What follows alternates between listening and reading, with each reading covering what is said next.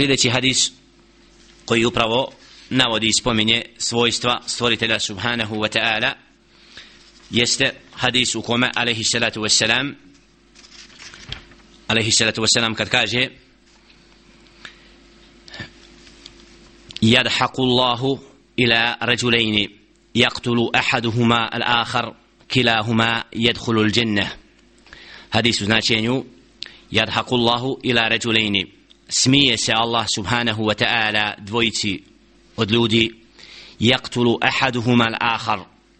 ubi jedan od njih drugoga kilahuma yadkhulu al-jannah a onda jedan i drugi bude uveden u džennet.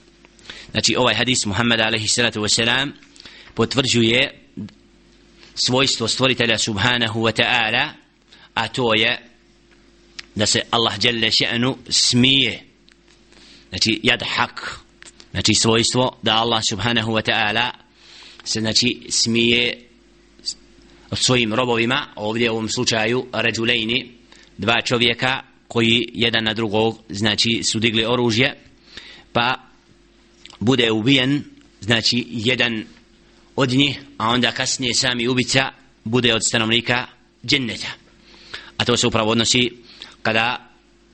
nevjernik znači jedan od ljudi bude od njih nevjernikom pa ubije muslimana i ovaj uđe u džennet kao šehid a onda isti kafir znači ubica prihvati islam. Pokaje se Allahu subhanahu wa ta'ala zbog tog dijela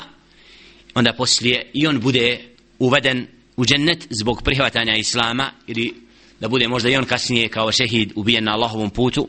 ili ga zadesi smrt al muhim važno je znači da vidimo ovdje svojstvo stvoritelja subhanahu wa ta'ala da se smije znači postupku svojih robova jer Allah subhanahu wa ta'ala